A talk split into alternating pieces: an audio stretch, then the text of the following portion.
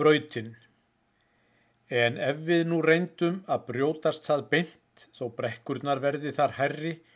vort ferðala gengur svo grátlega seint og gaufið og krókana höfum við reynd og framtíðarlandið er fjarrri.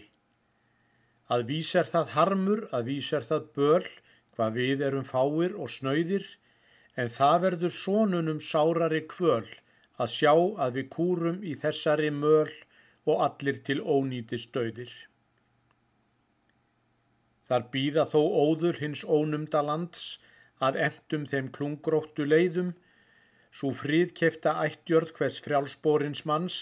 sem felur hins skínandi sigurlaun hans að baki þeim blágrítis heiðum. Og munið að ekki var urðin svo greið til áfangans þar sem við stöndum, því mörgum á förinni fóturinn sveið er frumherjar mannkinsins ruttu þá leið af alheimsins öldum og löndum.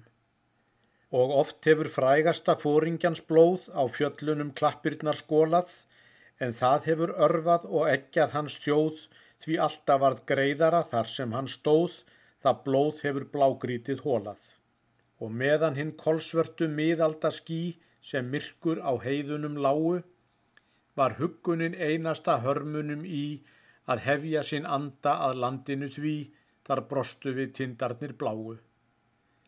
Það voru þau fjarlægu framtíðar lönd sem faðminn við kappanum bryttu, er klerkarnir helviti hótuðans önd og harstjóran skósveinar rákan í bönd og dæmdan að logunum leittu.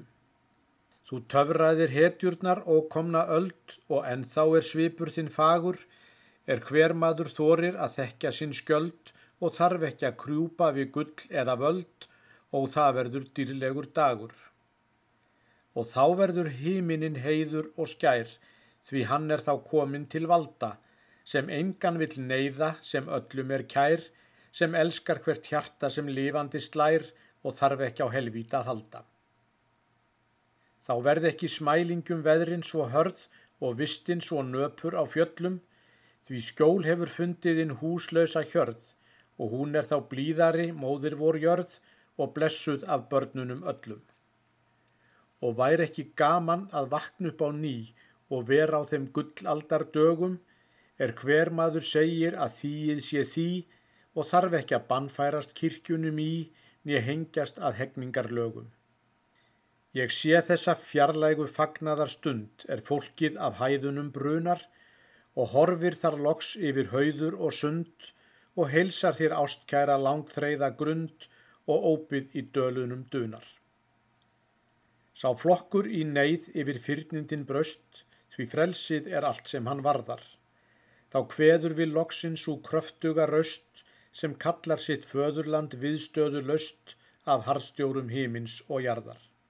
Að vísu kann ferðin að verða þeim dýr en verður það þá ekki gaman er sveitin að landinu sólfagra snýr þar sannleiki ríkir og jöfnudur býr og syngur þar hósanna saman. Við lifum það kannski ekki landið að sjá, því langt er þar eftir að vegi,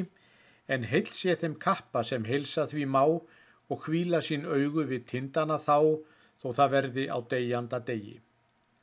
og lítið er enþá vort liðsmanna sapn en lagt mun það fram sem við höfum, við vitum að leikurinn verður eigi jafn en vonum að framtíðin geim okkar nafn þó samtíðin gleim okkar gröfum. Og þó að ég komist ei hálfaleið heim og hvað sem á veginum býður, þá held ég nú samt á einn hrjóstruga geim og hilsa með fögnuði vagninum þeim sem eitthvað í áttina líður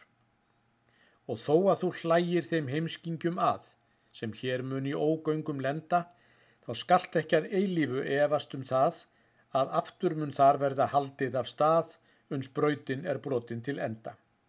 Ég trúi því sannleikað sigurinn þinn að síðustu vegina jafni og þér vinn ég konungur það sem ég vinn og því stíg ég hygglaus og vonglaður inn í frelsandi framtíðarnafni og kvíði þið öngu og komið þið þá sem kyrrir og tvíráðir standið því djarmanlegt áræðir eldstólpi sá sem eigði mörg harstjórnar leitt okkur frá og Guð sem hún gef okkur landið.